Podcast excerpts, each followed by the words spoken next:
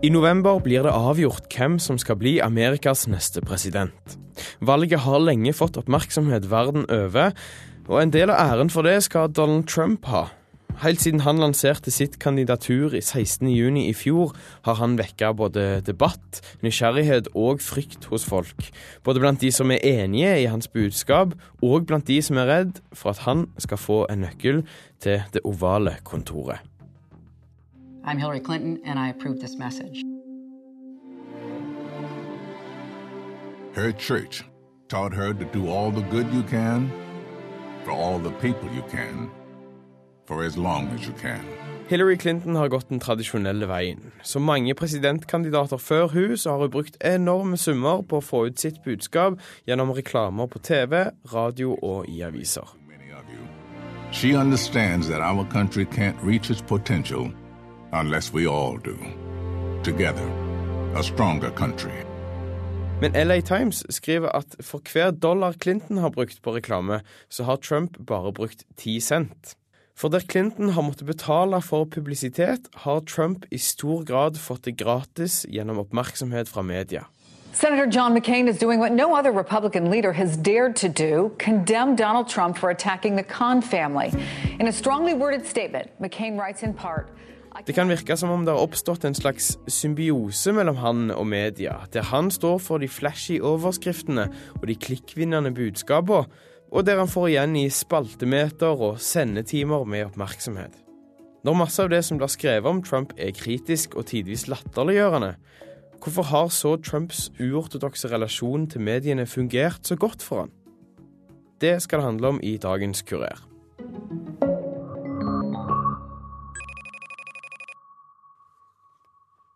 Hei. Hei, Hans. Dette er Lars Erik. Hei, hei. For å komme nærmere kjernen av Trumps kommunikasjonsstrategi, så kontakter jeg Hans Gelmøyden.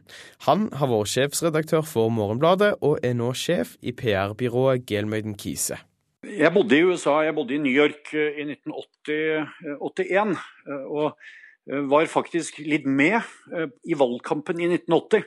Den gang var det mm, het presidenten Jimmy Carter. Og etter hvert het den eh, republikanske utfordreren Ronald Reagan. Eh, Og det som slår meg, er hvor relativt lite norske medier og norsk opinion forstår av amerikansk politikk. Eh, Den gang var det Reagan som ble fremstilt som en dumskalle og som gammel og hjelpeløs, mens amerikanerne hyllet ham i kampen, og han slo jo knockout på Jimmy Carter i president- presidentvalget. Eh, Og han vant til og med en ny periode, og i ettertid så er det jo mange amerikanere som holder Ronald Reagan frem som en av de beste presidentene i amerikansk historie. Så avstanden mellom det norske medier får med seg, og det norsk opinion tror, eh, og til amerikansk politikk, er innimellom enorm. Så jeg tror vi skal ha respekt for at vi kan relativt lite om det amerikanske systemet og om amerikansk politikk her i landet. Eh, hva var din eh, rolle i denne eh, valgkampen? jeg syns ikke man skal overdrive den rollen, men jeg hadde gleden av å arbeide for eh, en av de uavhengige eh, presidentkandidatene. Jeg var det som heter rodesjef i Westchester County. Det er en liten kommune rett utenfor New York. Hovedstaden i den lille eh, kommunen heter White Plains. Og der kjempet jeg for eh, eh, en kandidat som het John B. Anderson. Og jeg var med på å utvikle det fengende slagordet 'All the way with JBA'. Hva syns du om den? Jeg syns det var knallbra.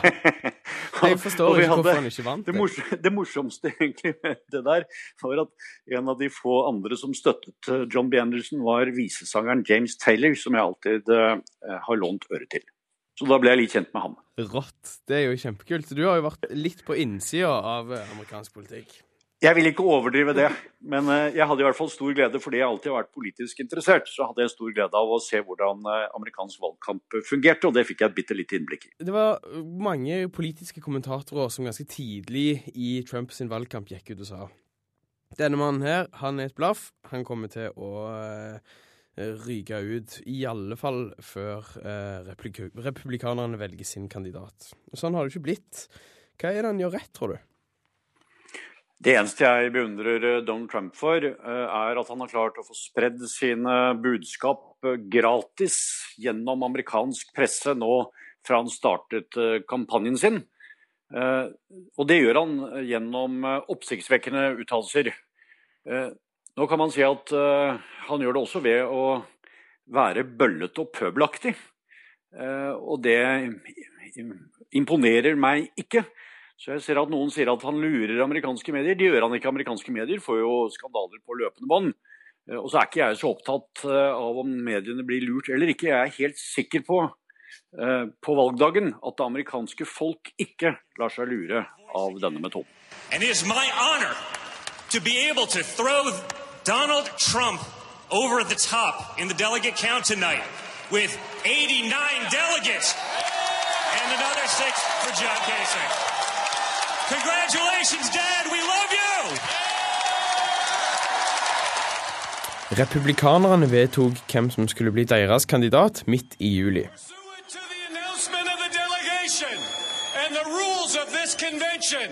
New York, six votes Kasich, 89 votes Donald J. Trump.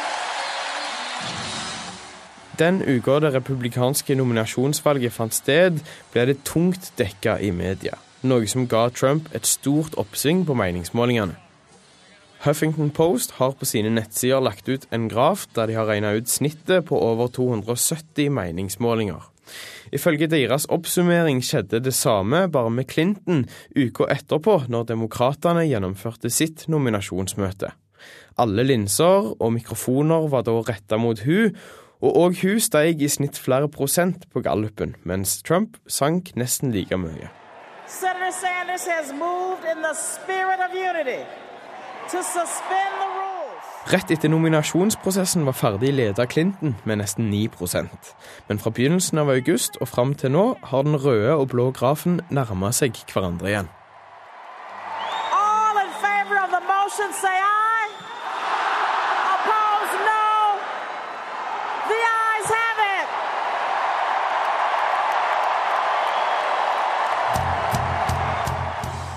Medias dekning har mye å si for populariteten til en kandidat. Og det at Trump kommer med det som i journalistisk sammenheng er spektakulære påstander, har gjort det vanskelig å ikke gi han spalteplass. Kanskje er denne episoden av Kurer nettopp et eksempel på det? Jeg kontakter forsker og retoriker ved Universitetet i Bergen, Trygve Svensson, for å få svar. Ja, det er Jeg òg tenkte på det før dette intervjuet, at, at, det blir noe sånn nærmest rituelt over at vi skal nok en gang snakke om hvor, eh, hvor sprø Trump er, hvor eh, merkelig kandidaturet hans er, hvor eh, destruktiv retorikken hans er. Eh, og eh, det, sånn sett så kan nesten eh, journalistikken på Trump minne litt om krigsjournalistikk.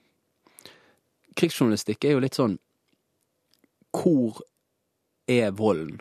Hvem vinner han? Det er spørsmålene som reporteren søker å få svar på. Mens man kanskje sjeldnere spør hvem jobber for fredelige løsninger? Hvem er heltene som prøver å få til noe annet enn krigen? mye vanskeligere å finne, vanskeligere å lage heltebilder, vanskeligere å lage sterke historier. Eh, og det er, det er sånn et dypt strukturelt problem i offentligheten.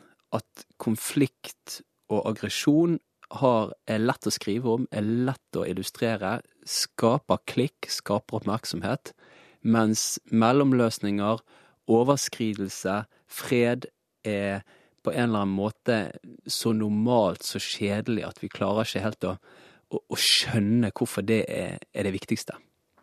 Hva er det som uh, gjør at journalistene ikke klarer å la være å bite på når Trump kaster ut i en uh, glinsende sluk? Jeg tror det må være det samme som gjør at vi alle biter på. Altså, Jeg tror ikke det er noe spesielt uh, det Selvfølgelig har jo journalister og redaksjoner et spesielt ansvar, men alle syns det ekstreme er fascinerende. Og eh, Donald Trump har jo Ja, altså, han har Eh, og det kan jeg jo Det må jeg jo må jeg ta inn over meg som fagperson. Han har en, en et fascinerende mangfoldig retorikk. Han er en sånn slags uh, Altså, hvis du skal, altså Det går an å holde på lenge og skulle karakterisere det, men, men hvis jeg skal si noe Altså, han er kanskje sånn en tredjedel realityshow, altså med den sansen for dramaturgi der det skal være et eller annet vilt som skjer hvert femte minutt. Så er han en tredjedel eh, proff salgsmann. Må huske på at han har vært selger hele livet har skrevet bøker om å selge, og, og tjent masse penger på det. Og så er han en tredjedel eh, ganske sånn gammel, arkaisk eh, Det vi kan kalle manikeisk retorikk. Altså en kommunikasjon som deler verden inn i, i svart og hvitt, det gode mot det onde, eh, eller vinnere mot tapere, som er Trumps spesialøvelse.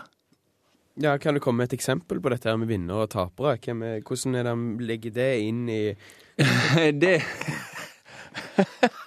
det er jo, det er jo og, Hvis man hører talen hans, så sier han jo sånne ting som at Å, eh, vi kommer til å vinne så mye. Vi kommer til å vinne så mye. And we're gonna start winning again. We're gonna win so much. Vi kommer til å vinne så mye.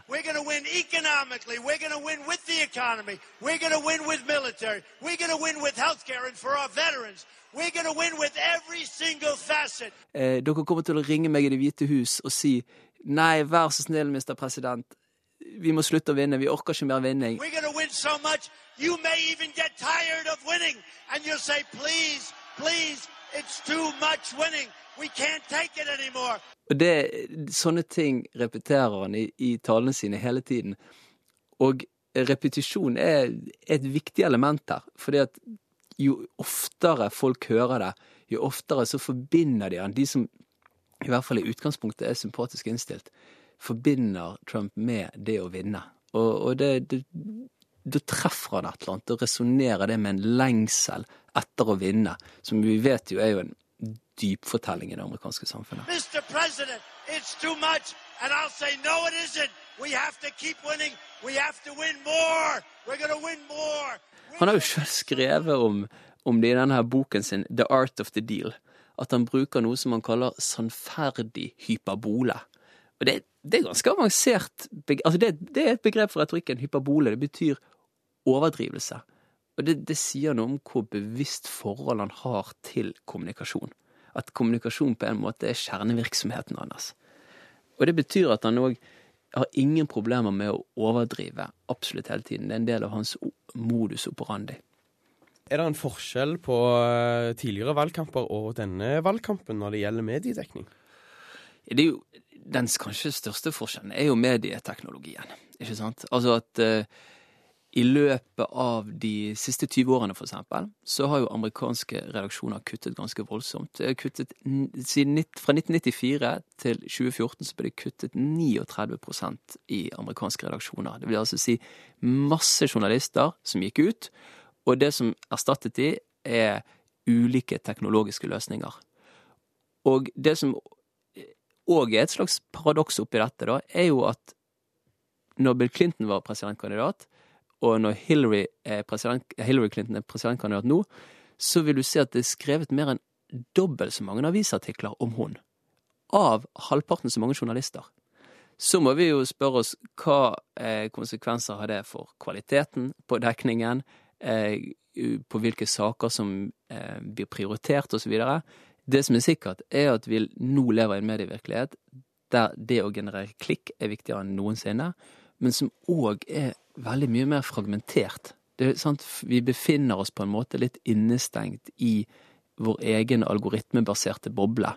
Eh, alt etter som om vi får eh, nyhetene våre fra Google eller Facebook eller andre steder.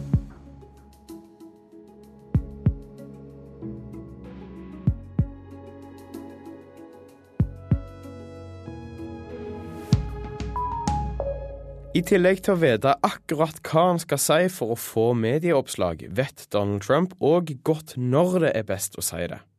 Frank Sesnow er direktør for journalistlinja ved George Washington University. I august ble han intervjua i mediene på P1, et mediemagasin som sendes på Sveriges Radio. So Donald Trump will launch a really nasty attack at 6:30 in the morning. At 6:32, CNN is reporting it. At 6:34, NBC is reporting it. At 6:36, Swedish radio is reporting it because it starts to actually create an echo chamber of of commentary and response. Trump kommer med sterke utsagn på Twitter rett før nyhetsdagen starter, og får i løpet av få minutter masse dekning både i USA og i andre land. Utover dagen skapes det et slags ekkokammer av kommentarer og respons. Dette blir òg støtta opp av helt fersk forskning publisert i Political Science nå i september. Artikkelen kommer fram til at Trump etter perioder med økt Twitter-aktivitet òg får økt oppmerksomhet fra media. Har klikkhysteriet og nedbemanning i mediebransjen vært det som har gjort Trumps måte å drive budsjettvalgkamp mulig på? Ei som sitter midt oppe i valgkampen akkurat nå, er Natalie Jackson. Let me try to, try to connect to Wi-Fi real quick, just a second. Et sted under Atlanteren er det litt dårlig forbindelse, så Jackson faller litt ut og inn. Hun sitter i lokalene til Huffington Post, ei amerikansk nettavis, hvor hun er ansvarlig for valgstatistikken. and I have a PhD in political science focusing on American politics and statistics. Jeg spør henne om hun kjenner seg igjen i medieutviklingen som Trygve Svensson skisserer. Har medietrykket gått opp? Certainly. I mean, since Bill Clinton's first election in 1992, the landscape of media has completely changed. Um, we're dealing more with a 24 hour news cycle. Um, the cable networks that were just getting started in the US in the 90s are now very much up and running. They're dominant. They... Siden Bill Clinton stilte til valg, har mediebildet forandret seg veldig, sier Natalie Jackson. Det er flere kabel-TV-kanaler nå enn det var før, som alle skal fylle 24 timer med innhold hver eneste dag. Og så har avisleserne vent seg til nettaviser, Istedenfor å forvente nyheter ferske fra pressen om morgen og ettermiddag, vil forbrukerne lese siste oppdatering på nettet 24-7. It makes sense to me that even though numbers of journalists might be declining, um, that we are getting more writing simply because the hunger and the appetite for news on the election has grown and is expected to operate 24 hours a day rather than just, you know, for nightly news or daily newspapers like it was previously. Betyr det at media bruker mindre tid på faktasjekking, og velger med vekk de sakene som tar lang tid å produsere, til fordel for flere lettproduserte saker? I'm sure there's some of that out there. I don't have any personal experience you know, indicating that's true. However, I do know in the case of polling, for example, um, there's a recent research project that came out that showed uh, in 2008 and 2012 the polls that showed more unusual results, the more splashy uh, numbers were reported out more than the ones that showed, you know, things going along as usual. So it, it definitely happens. Um, like I said, though, I don't have any personal experiences with that, but it, it's a fact. It's a factor. People have to be careful what they are reading. Natalie Jackson sier at det nok forekommer at journalister tar snarveier nå, men at hun ikke har personlig erfaring som bekrefter det. Én ting hun kan si, er at de meningsmålingene som stikker seg ut og ikke passer med normalen, får mer dekning enn de som følger den forventa linja. Siden starten har Trump ligget høyt på målingene. Han var den desidert mest kjente kandidaten av de 17 republikanerne som på et tidspunkt har kjempa om kandidaturet. Natalie sier at de ikke tok han seriøst i starten, og ga han en annen type dekning enn f.eks. Jeb Bush og Ted Cruz, som ble behandla som politikere ifra dag én. Trump has threatened, well, not threatened, um, he had mulled presidential runs before and had never actually run. So prior to his announcement, the sense was that he wouldn't actually run for president. Then, when he announced that he was running, I think most of the media and most political commentators thought that this would would not be a serious thing. Donald Trump har sagt at han skulle stille før, men han har til nå ikke gjort det, forteller Jackson. Videre sier hun at det var få mediehus som tok han seriøst i nominasjonsprosessen pga. den ekstreme typen retorikk han brukte. Samtidig lurer Jackson på om dette kan ha vært grunnen til at han skilte seg ut blant de mange republikanerne som stilte til valg, og dermed hjalp han med å stikke av med kandidaturet. Jeg spør når Huffington Post begynte å ta Trump seriøst. Well, I know with the Huffington Post, when he first announced his candidacy, we our editorial position was to put him in the entertainment section rather than politics. That changed in November of last year of 2015 when he began threatening to stop Muslim immigration into the United States. And that coincided with him r- really starting to be dominant in the polling numbers and it becoming very clear that he actually had a chance of being a nominee. So I, I think this shift kind of happened late at the end of 2015 to people believing that this was something that could actually happen rather than just entertainment. Uh, is there some sort of a consensus on uh, the result? Uh, do you do you dare to uh, to guess? sure, I'll I'll hazard a guess at that. I think the general conventional wisdom is that Hillary Clinton will probably win this election unless something major happens, you know, the next several weeks. Um, for example, if we had a large economic crash or a big economic event, that could change things considerably. Um, you know, God forbid there's a big terrorist attack, things could also shift. Um, but for right now, the way things look, even with the narrowing margin, um, it appears to be a Clinton win in the works. Kanskje er ikke Trump sin måte å drive valgkamp på effektiv nok til å vinne han presidentskapet. Kanskje ønsker det amerikanske folk seg andre verdier enn de Trump står for. Svaret det får vi ikke før i november, men én kamp har han allerede vunnet. Kampen om oppmerksomheten. Governor Bush said this morning on this program it would be disastrous yeah. if you were the nominee. Well, Jeb is a person who... Vil sørge for at alle ulovlige innvandrere må reise tilbake og søke om you know, the rhetoric from both candidates now getting more extreme. Donald Trump saying overnight Hillary Clinton could murder someone in broad daylight and get away with it. Støre sier til VG i dag at han er dypt urolig over budskapet fra Donald Trump Dermed bryter han den uskrevne regelen om ikke å si sin mening om valg i andre land. Det heter seg det, men nå har jeg reist rundt i Norge i sommer, og alle steder snakker man om dette. Og jeg har venner i USA som spør hva mener dere i Europa? Det gjelder jo selvfølgelig i mye større grad i USA enn i Norge. Men i USA har han fått nå Altså, han har fått eh, Det siste tallet jeg så, var fire milliarder dollar verdt i mediedekning. Medieforsker ved Universitetet i Bergen igjen, Trygve Svensson.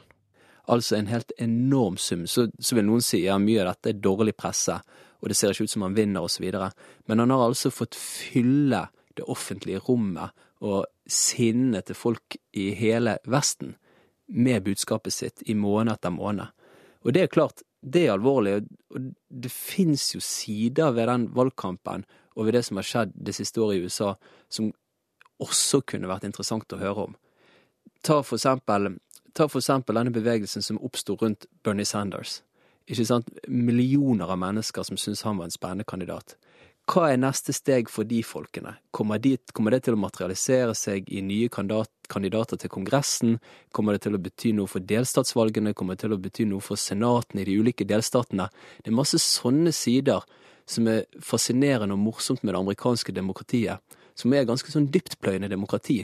Sant? De velger folk til mange flere stillinger enn vi er vant til i Norge, f.eks.